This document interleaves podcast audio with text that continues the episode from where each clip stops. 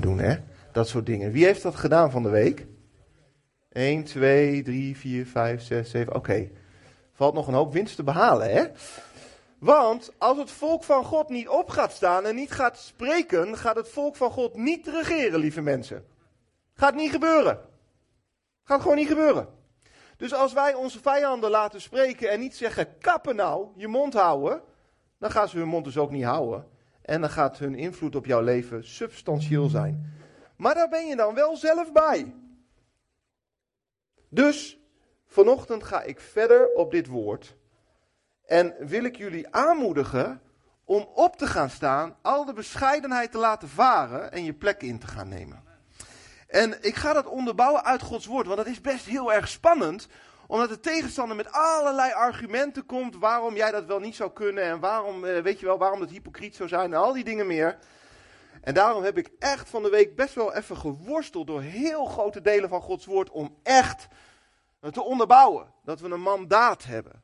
dat het niet um, mijn goede daden zijn waar ik het op baseer. Ik baseer het op Gods woord. Ja, en dat verandert nooit. Dat is een basis onder ons, dat is een fundament. Kijk, weet je, op het moment dat jij uh, die, die vijanden gaat uh, identificeren, van dit zijn mijn vijanden, en je leest dan in Gods woord dat wij meer dan overwinnaars zijn, maar je overwint er geen één, dan geloof je die tekst voor geen meter. Ja, dan geloof je natuurlijk dat het waar is, want het staat in Gods woord. Maar het is geen waarheid in jouw leven. Want als je niks overwint, ben je geen overwinnaar en al helemaal niet meer dan overwinnaar. Toch? Logica, toch? Lieve jongens, lieve jongens. Als ik praat, gaan jullie luisteren. En je mag oefenen, zodat je ook spreker gaat worden, ja? Maar dan moet je even in je binnenkamer eerst oefenen, ja? Maak maar lekker aantekeningen of tekeningen. Als ik een beetje gek kijk, dan mag je mij tekenen, ja? Oké. Ehm, dus, wij willen meer dan overwinnaar gaan worden. Dat niet alleen dat in Gods woord staat, maar dat het ook werkelijkheid gaat zijn in ons leven. Ja? Want dan gaan de mensen ook iets zien aan ons. En geloven we het zelf ook nog. He, het is toch wel gaaf als gelovigen ook echt geloven. Ja, en dat bedoel ik helemaal niet verwijtend hoor. Maar ik, als ik naar mezelf kijk, dan denk ik ook wel eens, oeh, zo meer dan overwinnaar, weet je wel. Maar ik, daarom breng ik dit woord. We hebben nodig om dit te horen en hierop te gaan leven. Spreuken 18 zegt, dood en leven zijn in macht van de tong. En dat is wat de eerste sheet zegt. Weet je, als jij gaat spreken naar die kant of naar die kant, dat maakt een heel groot verschil. Wat er gaat gebeuren in jouw omgeving hangt af van wat in jouw mond is. Dood en leven zijn in de macht van de tong. En als jij dus je tong niet gaat gebruiken om leven te spreken, dan betekent het dat op een plek waar God leven had bedoeld, geen leven komt. Want het is niet in jouw mond. En de plek waar dood is, daar ben jij geroepen om het tegen te spreken, maar als je je mond niet open doet, gaat de dood verder. Simple as that. En de vraag is, spreek je de hele tijd tegen God over jouw problemen, of spreek je tegen je problemen over God? Problemen, jullie kunnen wel doen alsof je zo groot bent, maar mijn God, Hij heeft gezegd dat. En je begint te spreken vanuit de hemel. Je begint te spreken vanuit de autoriteit met God. En je kunt heel erg gefocust zijn op die problemen. En uh, die kom je ook tegen. Daar heeft Pieter Jan heel goed over onder, onderwezen. Maar ik ga vandaag even niet op die problemen focussen. Ik ga focussen op het mandaat en de roeping die wij hebben. Want als je dat niet voor ogen hebt, dan weet je ook niet waarom je al die problemen moet trotseren. Dus, we gaan naar de tweede sheet. En dat mag ik zelf doen. Moet nog even aan wennen hoor, jongens. Ja. Ja. Onze opdracht, Matthäus 28. Um, ik weet niet of het goed komt als je het helemaal mee gaat lezen, want uh, dan moet je heel snel kunnen bladeren, want ik ga door aardig wat dingen heen. Mijn aantekeningen zijn altijd beschikbaar voor wie ze willen hebben. Matthäus 28 geeft Jezus de opdracht. En Jezus kwam naar hen toe, dat ging over de discipelen, en sprak met hen en zei, mij is gegeven alle macht in hemel en op aarde. Dus is leuk hè, als de Heer Jezus jou een opdracht geeft, gaat hij eerst even de basis leggen. Dus jongens, ik geef jullie een opdracht, maar voordat je die opdracht gaat doen, moet je even bedenken, aan mij is gegeven alle macht in de hemel en op de aarde. Dus dat is je vertrekpunt. Ga dan heen, onderwijs al de volken, hen in de naam van de Vader en de Zoon en de Heilige Geest, hun lerend alles wat ik u geboden heb in acht te nemen. En zie, ik ben met u al de dagen tot de voleinding van de wereld. Amen. Dus Jezus zegt, ik heb de macht, jongens, wees gerust. Jullie mogen de volken gaan onderwijzen. Best een grote opdracht, hè? Moet je, moet je wel wat te vertellen hebben, anders gaan die volken natuurlijk niet luisteren. En ik zal met je zijn, tot het klaar is. Dus Jezus pakt het in in zijn aanwezigheid. Marcus 16, vers 15. En hij zei tegen hen, ga heen in heel de wereld, predikt het evangelie aan alle schepselen. En wie geloof zal hebben en gedoopt zal zijn, zal zalig worden. Maar wie niet gedoopt zal hebben, zal hebben, zal verdoemd, niet geloofd zal hebben, zal verdoemd worden. En hen die geloofd zullen hebben, zullen deze tekenen volgen. In mijn naam zullen ze demonen uitdrijven, in de vreemde talen zullen ze spreken. Dit is onze opdracht en de belofte van de Heer Jezus dat hij meegaat en dat hij kracht zal verbinden aan het woord en de opdracht die hij geeft. Nou, eigenlijk is dit de opdracht om te gaan doen wat Jezus deed. Toch? Jezus zei: Ik heb nu een tijd onder jullie gewoond. Ik heb de dingen laten zien hoe het is. En nu mogen jullie het gaan doen. Maar wat kwam Jezus dan precies doen? Want als wij deze opdracht moeten gaan doen, het evangelie, het goede nieuws gaan brengen, moeten we wel weten wat dat dan inhoudt. Lekker concreet zijn. Want anders weet je niet goed wat je moet vertellen en wat je moet doen. In Jesaja 61 wordt al geprofiteerd wat de, Heer, wat de Heer Jezus gaat doen. En er staat, de geest van de Heere Heere is op mij. Omdat de Heer mij gezalfd heeft, met kracht bekleed heeft, met zijn aanwezigheid bekleed heeft, om een blijde boodschap te brengen aan zachtmoedigen. Hij heeft mij gezonden om te verbinden de gebrokenen van hart, om de gevangenen voor de gevangenen vrijlating uit te roepen en voor wie gebonden zaten opening van de gevangenis. En uit te roepen het jaar van welbehagen van de Here. Kortom, toen God ons maakte en schiep, was alles perfect. Want God regeerde. En er was geen regering buiten Gods regering. Dus alles was goed. En alles was geweldig. En totdat de mensen de regering uit handen gaf. En toen kwamen we onder regering van een tegenstander. En ja, dat heeft ons, ons, onze, onze wereld zo kapot gemaakt. Ziekte, dood, ellende, verdriet. En op een of andere manier hebben we dan het goede beeld van God niet meer. Want door onze ervaringen denken we, ja, het zal wel zo, zo horen. En hoe is God dan eigenlijk? En de Heer Jezus kwam om dat te herstellen en de Vader te laten zien. Weet je, het staat in de Evangelie heel duidelijk dat Jezus kwam het koninkrijk preken en hij kwam de Vader laten zien. Hij zei eigenlijk, als je de Vader wil zien, moet je naar mij kijken. Dan zie je hoe de Vader eruit ziet, want hij moest dat beeld herstellen. Want de mensheid had het idee gekregen dat de regering er anders uitzag, omdat zij zo onder pijn en onder ziekte en onder ellende leefde. Je krijgt haast het idee dat God het zo bedoeld heeft of zo gemaakt heeft. Maar Jezus zegt: nee, nee, nee, nee. Je bent onder de regering van de tegenstander geweest. En daarom ben je ziek geworden. En daarom ben je zonde gaan doen. Daarom ben je gevangen geworden. Maar als ik kom, dan laat ik het ware gezicht van de Vader zien. En dan zeg ik: maakt niet uit wat je gedaan hebt. Je bent vrij. Ik genees je. Als je de evangelie leest, hè, heel veel mensen die genezing kregen van de Heer Jezus of vrijlating, gingen helemaal niet in hem geloven. Hè? Hij geeft nog steeds de vrije keus om te geloven of niet. Maar hij liet gewoon zien. Als je te maken hebt met de Vader, als je te maken hebt met het koninkrijk, dan ziet het er zo uit. Dan word je vrij gesproken. Dan krijg je verzoening, krijg je vernieuwing, dan krijg je gezondheid. Dat is wat je krijgt. Dat is het origineel. Dat is het plan. En de Heer Jezus liet het zien. En van daaruit gaf hij ons de opdracht om hetzelfde te gaan doen als de Heer Jezus. En Jezus leert ons bidden in Matthäus 6. Uw koninkrijk komen, uw wil geschieden, zoals in de hemel, ook op de aarde. Wat is het koninkrijk dan? Nou, het koninkrijk is eigenlijk het rijk waar de koning regeert. Dus de plek die onder de invloed is van de koning, waar de koning het voor het zeggen heeft, dat is het koninkrijk. En God wil dat elke plek onder zijn invloedssfeer gebracht wordt, zodat de koning kan regeren in zijn rijk. Het koninkrijk komt. En God wil dat het zo als het bij Hem is in de hemel, waar alles perfect is, dat het zo ook op de aarde zou zijn. Dat was zijn originele plan natuurlijk. En zo was het ook. En God wilde ons daarin terugbrengen. En weet je, de discipelen, die vonden dat heel erg lastig, het koninkrijk. Want de discipelen keken met hun aardse ogen naar alle dingen. En Jezus was van allerlei dingen aan het doen. Hij was wonderen aan het doen. Hij was voedsel aan het vermenigvuldigen. Tegen stormen aan het spreken. Echt coole dingen eigenlijk. En de Heer Jezus, of de discipelen, die snapten er geen bal van. Want die keken elke keer met hun natuurlijke ogen. En dachten, zou die nu koning gaan worden? Zou die hier gaan tronen? Wat zal die gaan doen?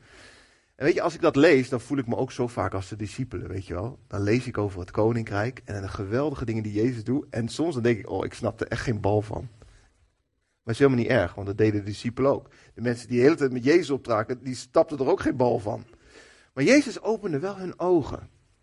En hij liet ze zien hoe het koninkrijk werkt. En de principes van het koninkrijk.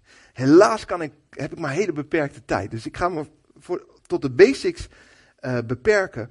Maar dan, kijk, het koninkrijk. Wat is dan het koninkrijk? Oké, dat, is, dat is het rijk waar de koning regeert. Waar hij het voor het zeggen heeft. Waar hij op de troon zit. Dat is het koninkrijk.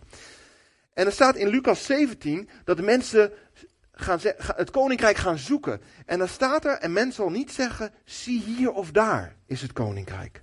Want zie, het koninkrijk van God is binnen in u.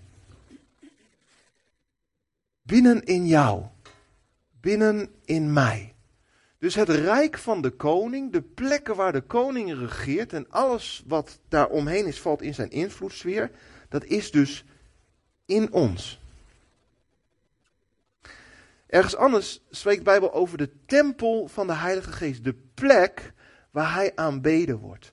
Waar alles onder zijn gezag is gebracht. En dat zijn wij. Allemaal tempels van de Heilige Geest. Nou is het natuurlijk ook logisch dat als het koninkrijk in ons is, het heel erg belangrijk is dat de koning op de eerste plek staat. Want als de koning op de eerste plek staat en wij doen wat hij zegt, dan gaat zijn rijk uitbreiden. Immers, het koninkrijk is het rijk waar de koning regeert.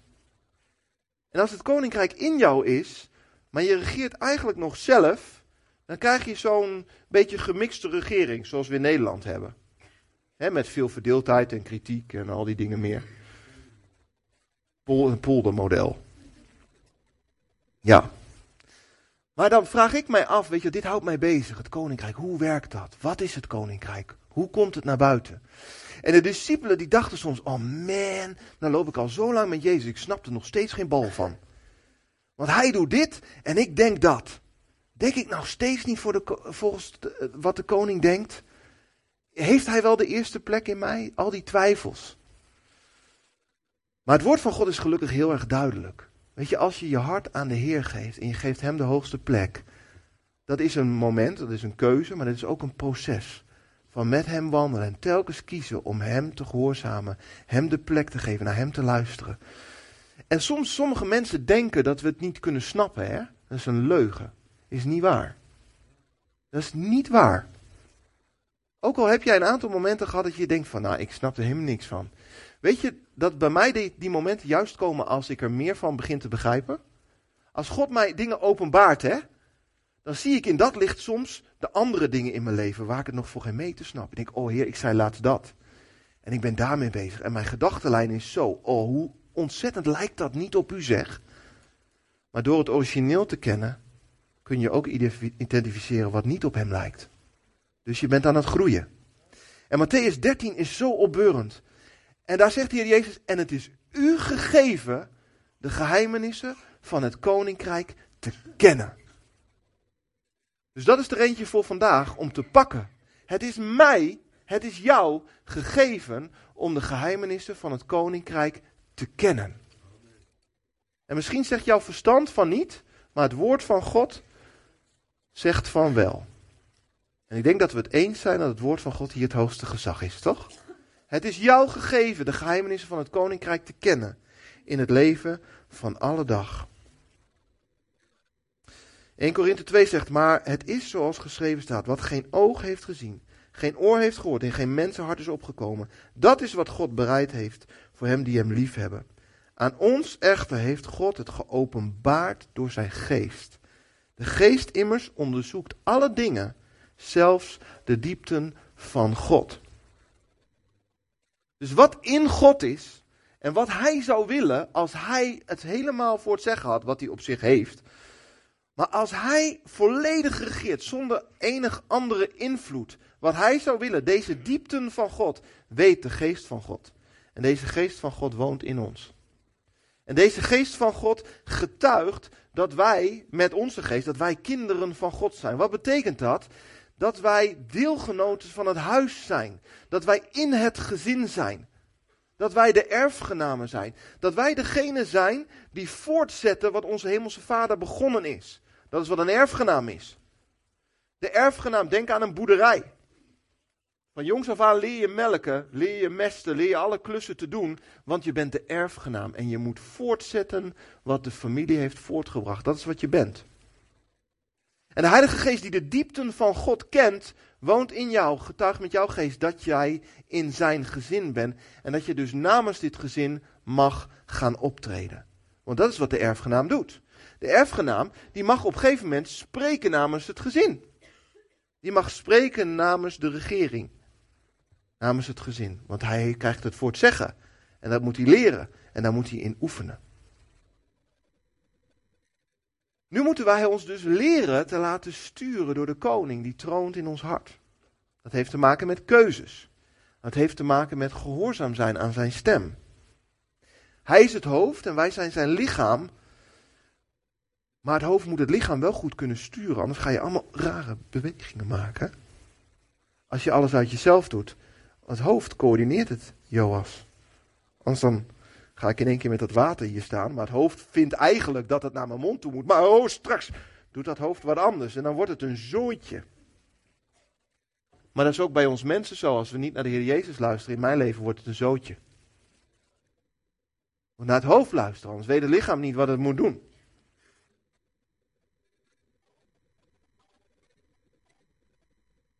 Wat in God is, Kijk, dat is de erfgenaam, zie je ermee? Je ziet de vader spreken. Zegen gebied ik over dit gebied. Ja, ik vind ook zegen. Zie je hem? Grote mond hebben op de schouders van zijn pa. Dat ben jij. Je moet leren een grote mond te hebben op de schouders van je vader. Je moet leren te gaan regeren, zodat je gaat zien dat de duisternis onderworpen is. Wat in hem is, wat dus in God is, wat in de diepten van God is, wat in zijn gedachten is, dat moet zichtbaar worden. Dat is er al, maar het moet zichtbaar worden hier. Zoals in de hemel, op aarde. Dus daar is het al, alleen het moet zichtbaar worden. Eerst was de aarde in Gods gedachten. En toen sprak hij en toen was het er. Eerst was jij in Gods gedachten voordat jouw vormeloos begin daar was. En toen was je er. Toen kwam je. Hebreeën 11 zegt, door het geloof zien wij in dat de wereld tot stand is gebracht door het woord van God. En wel zodat de dingen die men ziet niet ontstaan zijn uit wat zichtbaar is. Dus alles wat je ziet is niet ontstaan uit wat zichtbaar is. Het is ontstaan uit wat onzichtbaar is. Het was eerst in God. 2 Korinthe 4 vers 18 zegt, wij houden onze ogen immers niet gericht op de dingen die men ziet, maar op de dingen die men niet ziet. Want de dingen die men ziet zijn van het ogenblik, maar de dingen die men niet ziet zijn van eeuwigheid. Wij kunnen als geestelijke mensen, als mensen die vol zijn van Gods geest, kunnen wij zien wat in God is omdat de Heilige Geest ons deze dingen openbaart. Maar op het moment dat wij alleen maar gericht zijn op wat we zien, hier, kunnen we niet de dingen van God voortbrengen. Dat is precies dat je zegt, Heer, ik zie mijn probleem, Heer, ik zie mijn probleem, Heer, ik zie mijn probleem. Maar je kan ook zeggen, probleem, ik zie God. En dit is wat mijn, zo ziet mijn God eruit. Ik ben meer dan overwinnaar. Oh, ik voel me zo loser. Ik ben meer dan overwinnaar. Want het woord van God zegt het. En ik spreek in deze situatie. Mijn God zal mij nooit verlaten. Tot het einde der wereld zal hij bij mij zijn. En als je zo begint te spreken, wordt je probleem kleiner, kleiner, kleiner, kleiner, kleiner, kleiner, kleiner. Ja, en hiermee wil ik helemaal niks bagatelliseren, want het kan zo in je face zijn. Alleen het kan er ook voor zorgen dat het jou overweldigt. Terwijl God heeft jou op een plek gezet waar jij met Hem mag regeren. Maar daarvoor moet je dus gaan zien wat er nog niet is hier. Want wat er hier is, dat zie je prima. En dat is ook vaak in je mond.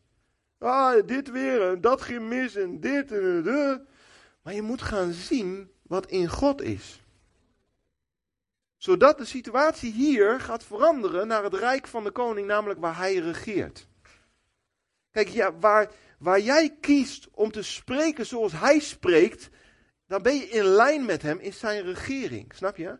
Maar waar jij, als jij bedoeld bent in lijn met hem te spreken, niet in lijn met hem spreekt, ja, daar, daar, daar wordt het geblokkeerd. Dan kan de regering van God niet zo doorkomen op aarde zoals hij gewild heeft. Omdat jij iets anders in je mond hebt. Het is belangrijk het woord van God in onze mond te hebben. En met geestelijke ogen te gaan kijken. De bestemming van de mensen om jou heen is in jouw invloedssfeer. Nou is de vraag wat jij in je mond hebt en met welke ogen jij kijkt.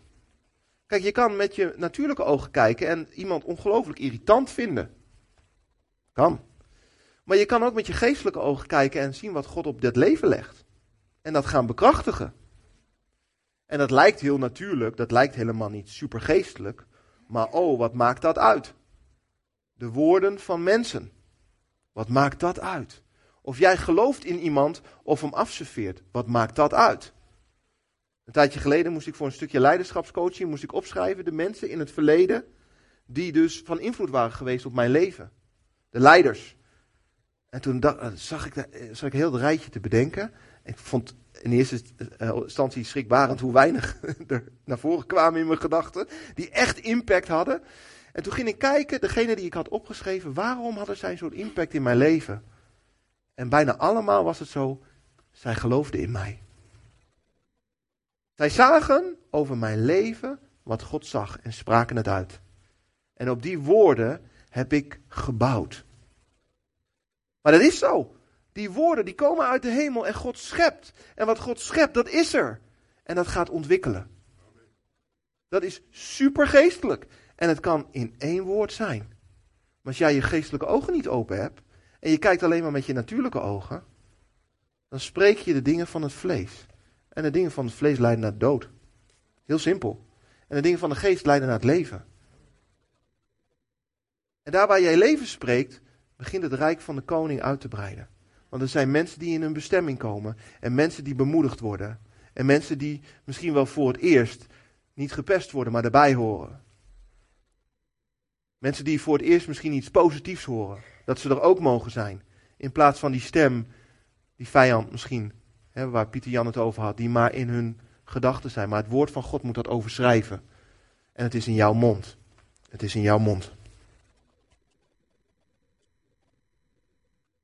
Onze ogen zijn immers niet gericht op de dingen die men ziet, maar de dingen die men niet ziet. Want die zijn van eeuwigheid. Mijn vraag is aan jou vanochtend, wat is er in jouw mond? En voordat je zoiets in je mond kunt nemen, moet je überhaupt eerst wel geloven dat God een opdracht voor je heeft en dat je mag spreken. En daarom wil ik dat fundament vandaag leggen. Je hebt het mandaat. Samen met Hem mag jij regeren en spreken. Het hoeft niet perfect te zijn, je moet gewoon beginnen. Je moet gewoon beginnen.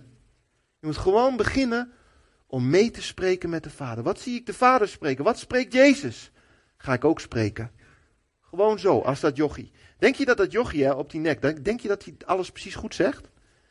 Denk je dat hij het allemaal genuanceerd zegt? Echt niet. Je zit gewoon samen met zijn vader op te scheppen. Geweldig, doe maar. Doe maar, doe maar. Spreek namens het koninkrijk en je zult zien dat de tegenstand veel minder spannend is dan ze overdoen komen. Wat is er in jouw mond? Immers zij die naar het vlees zijn, bedenken de dingen naar het vlees. Maar zij die naar het geest zijn, de dingen van de geest. Want is het bedenken van het vlees is de dood. Maar het bedenken van de geest is leven en vrede.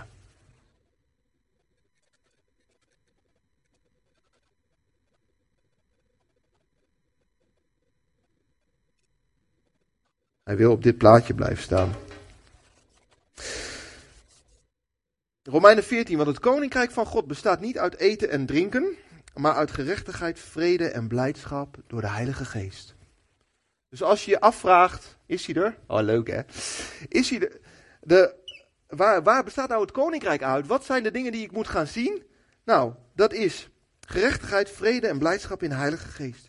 Romeinen 15, vers 13. De God nu van de hoop mogen u vervullen met alle blijdschap en vrede in het geloven opdat u overvloedig bent in de hoop door de kracht van de Heilige Geest. Oké, wat zien we in deze teksten? Wat is er bij God wat hier moet komen?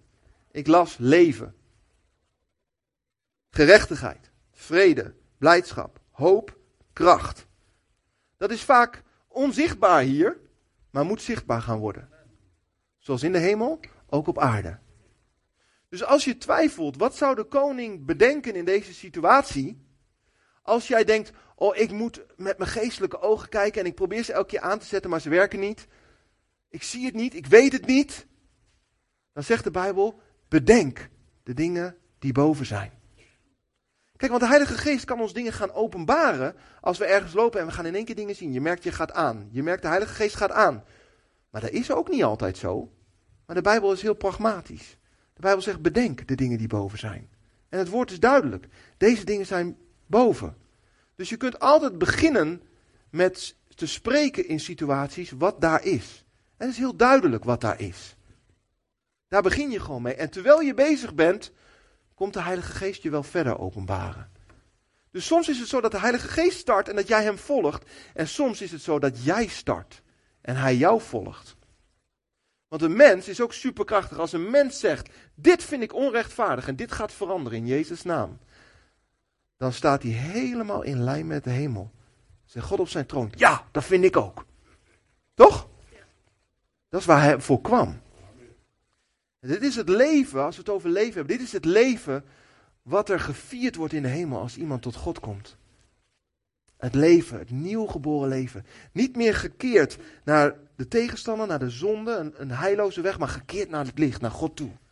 Dit is het leven waar God over spreekt. Hij zegt, ik geef je leven en dat in overvloed. Mensen die het niet meer zien zitten, in de put zijn, zwartgallige gedachten hebben. Zeg ik, spreek een leven in je, vanuit de hemel. Want God wil dat je leeft. Leef, Zutphen. Gerechtigheid. Dit is de gerechtigheid die Jezus heeft bewerkt aan het kruis. Gerechtigheid. Gerechtigheid is genade, dat, jij, dat jou recht gedaan wordt. Dat alles wat jij gedaan hebt rechtgezet wordt. Maar gerechtigheid is ook dat de tegenstander geoordeeld wordt. Want God is zo kwaad over alles wat gebeurd is door de tegenstander.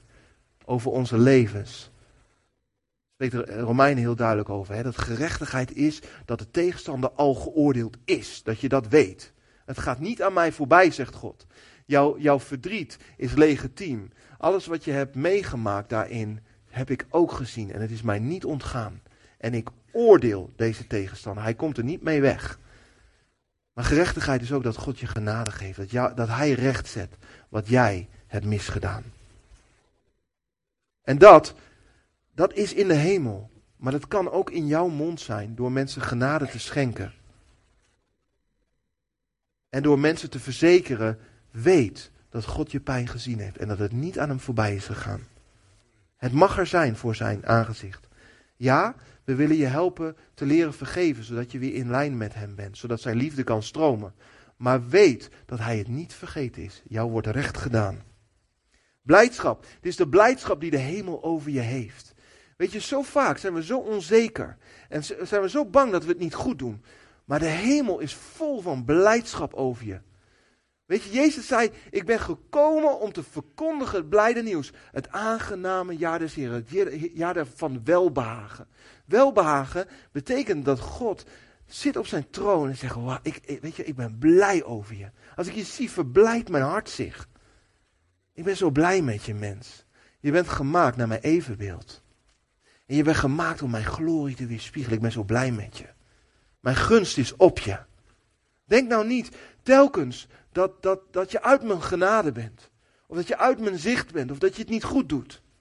Mijn stem over jou is een stem van vrede en van goedheid. Hoop. Hoop is er altijd bij Jezus. Jezus zegt, ik ga heen en ik ga je een woning bereiden. Daar waar je ooit gaat komen. Jezus zegt, ik ben het begin, ik ben het einde. Bij mij is er altijd hoop, want ik maak alle dingen nieuw. En heel veel hoop is voor dit leven. Maar we zien ook dat in dit leven niet alles opgelost wordt soms. Maar dan gaat die hoop nog verder. Hij zegt, ik zal je herstellen. En je zult op de plek zijn waar ik alle tranen van je ogen zal afwissen. Er is hoop. Is er hoop in jouw mond? Als er hoop in jouw mond is, komt de hemel op aarde. Want hoop is een van de dragers vanuit de hemel van de aanwezigheid van God. Je hoop begint te spreken, dan komt er weer visie. Dan kun je weer kijken. Dan krijg je weer lucht. Dat is wat de hemel wil. Is het in jouw mond? Of is er alleen maar twijfel in je mond? Heb je je goede ogen aanstaan? Kracht. Dit is de kracht die er is in jouw zwakheid. Dit is de kracht waarmee de Heilige Geest je bekleedt. Dat heeft Jezus beloofd. En dit is de kracht die je weer doet opstaan als iets niet gelukt is. Of als iets niet ging zoals je gedacht had. Die kracht is beschikbaar. Ik zegen je met zijn kracht. Zodat je in staat zult zijn op te kunnen staan. Want je valt, maar je staat ook weer op. Weet je, het koninkrijk van God wordt niet zomaar zichtbaar. Daar moeten we heel eerlijk over zijn. Pieter Jan die zei het al, het gaat met strijd gepaard. Want op het moment dat jij je plek begint in te nemen, dan word je vast gevaarlijk voor de tegenstander natuurlijk. En dan gaan we hem niet te veel kracht toedichten hoor, want hij is overwonnen, verslagen en klaar. Dus dat we daar duidelijk over zijn. De heer Jezus zei ook, je krijgt een superspannende opdracht mens, maar weet dat aan mij is gegeven alle macht in hemel en op aarde. Maar je opdracht is wel spannend, want die vrede waar, we, waar ik het over had, dat is niet de vrede van op de bank zitten met een gezalfd muziekje. Hmm, wat ben ik toch vredig. Maar dat is het niet hoor. Want pas even goed op, want dat is wat deze wereld nu predikt. Het allerhoogste goed is jouw comfort. Maar dat is niet Gods theologie hoor. Gods theologie is dat je hebt mens, je hebt een opdracht. En jij mag de blijdschap van de hemel voelen op het moment dat er iemand tot geloof komt. Maar dat is zoveel waard dat jij er wel mag voor mag knokken.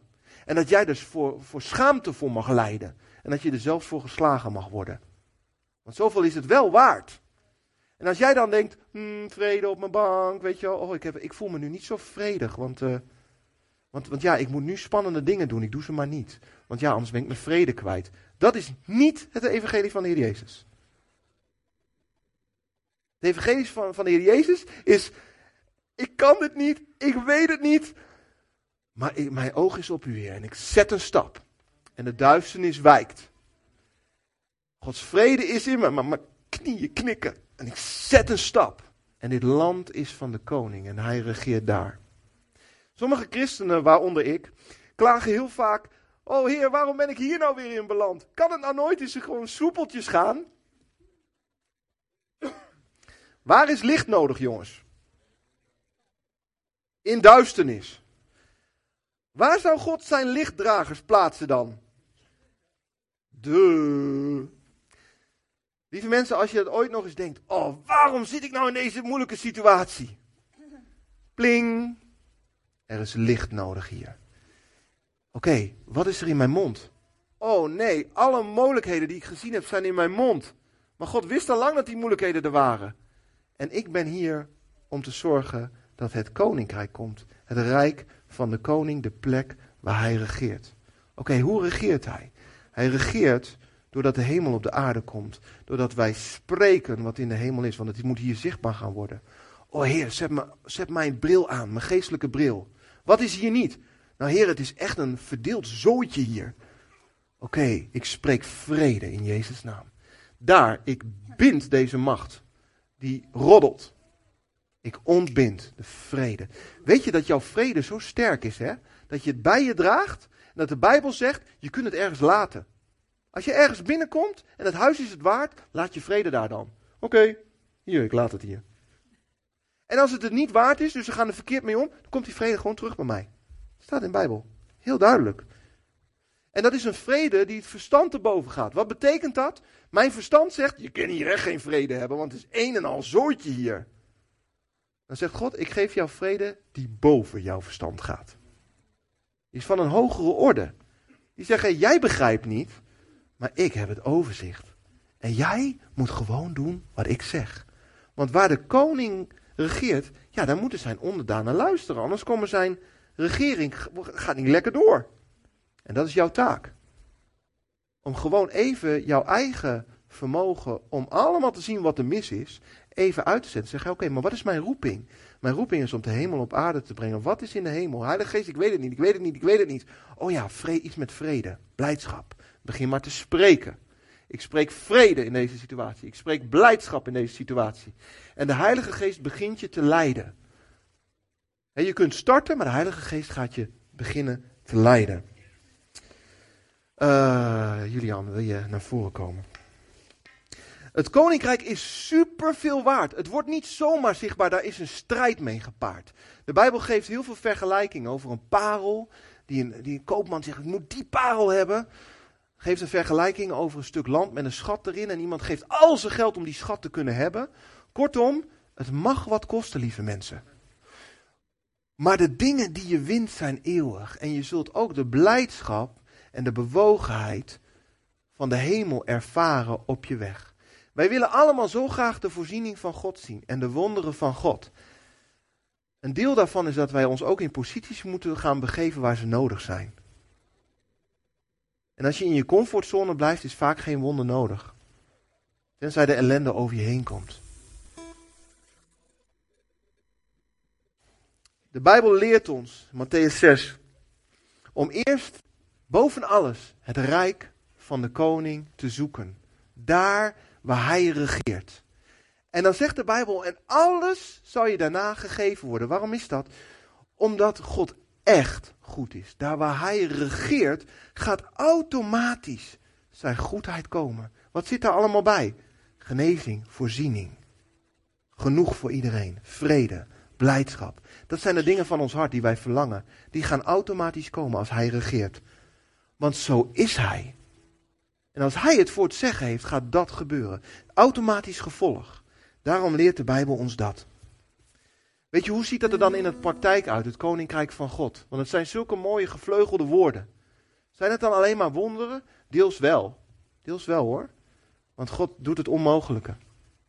Maar het koninkrijk van God ziet er ook zo uit als, als een moeder die haar kindje koestert. Het koninkrijk van God ziet er ook uit als een vader die zijn zoon terechtwijst, omdat hij van hem houdt, omdat hij hem wil opvoeden in de wegen van God.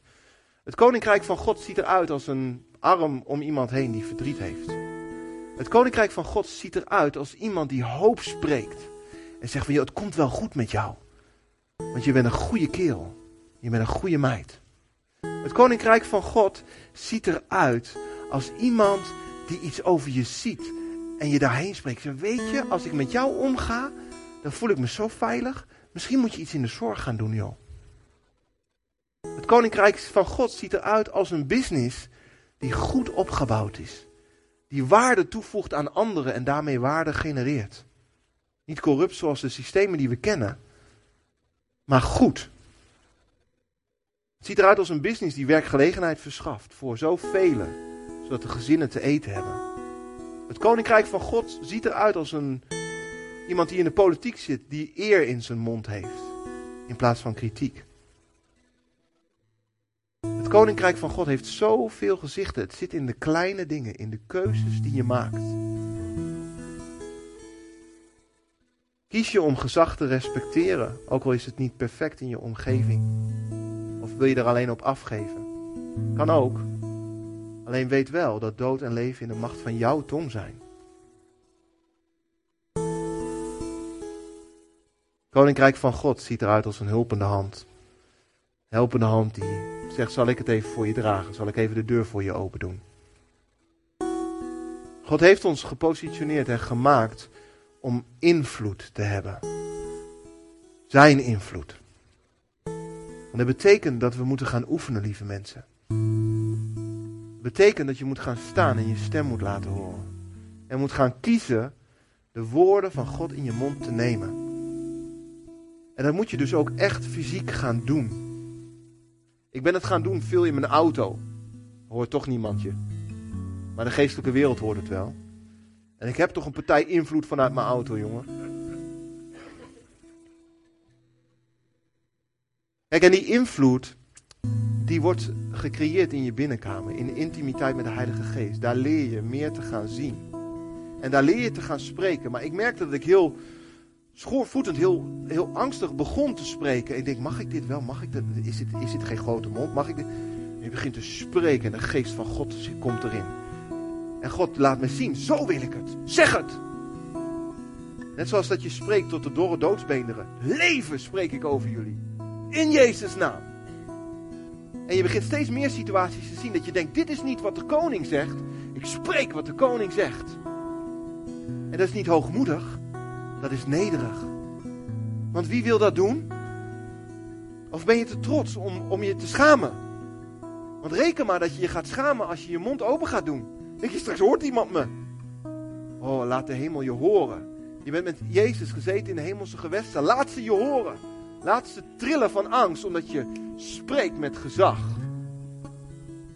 En als je het een tijdje doet, begint zelf nog te geloven ook. Want dan blijkt hoe weinig je eigenlijk echt gelooft. Maar ons geloof moet opgebouwd worden. Doordat we spreken. Dat we de plek in gaan nemen. En dat we gaan zien dat de koning gaat regeren. Lieve mensen, gaan we dit doen? Gaan we dit doen? Zijn jullie met mij hierin? We willen dit ontdekken, lieve mensen. Ik weet zo vaak niet, maar ik wil dit zien in mijn leven. En ik wil dit zien in onze stad. Maar het lukt alleen als jullie op gaan staan, als ik op ga staan. En het woord van de Almachtige in onze mond is. En onderweg dealt hij wel met alle dingen die er nog aan mij gesleuteld moeten worden. Ik begin gewoon gehoorzaam te zijn. Maar mensen, ga dit doen. Ga je stem verheffen in je binnenkamer. Echt doen. Niet alleen maar horen en denken, oh, goed woord. Doen.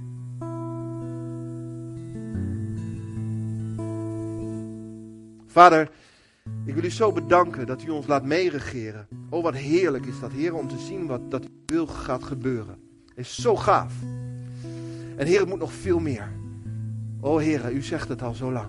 Het moet veel meer nog. Uw koninkrijk moet komen. Uw wil moet gedaan worden. Zoals bij u hier. Vader, geef ons de kracht. Geef ons de moed. Om door te gaan. Om te spreken namens u. Heilige Geest, vul ons. Verbind ons met u. Om de opdracht te volvoeren. Vader, help ons uit onze comfortzones te komen. Help ons het denkbeeld over vrede te veranderen. Want vrede niet is het gebrek aan moeite, maar vrede is de overheersende kracht door de moeite heen. Dank u wel, Heer. In Jezus' naam, Vader, ik bid dat u met uw geest, Heer, ons vandaag en deze week en verder gaat onderwijzen over hoe. En Heer, geef ons de moed om te gaan spreken en te bedenken de dingen die boven zijn. O Heer, en laat uw koninkrijk komen. In Jezus' naam. Amen.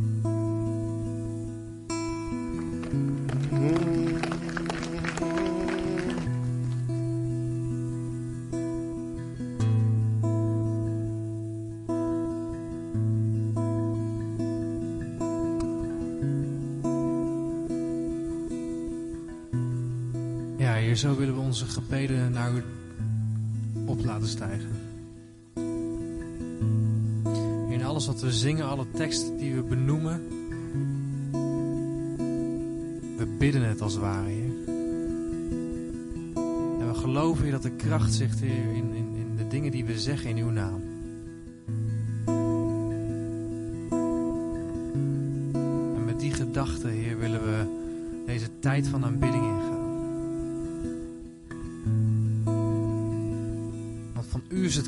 Koninkrijk, de kracht en de heerlijkheid tot in eeuwigheid, Heer.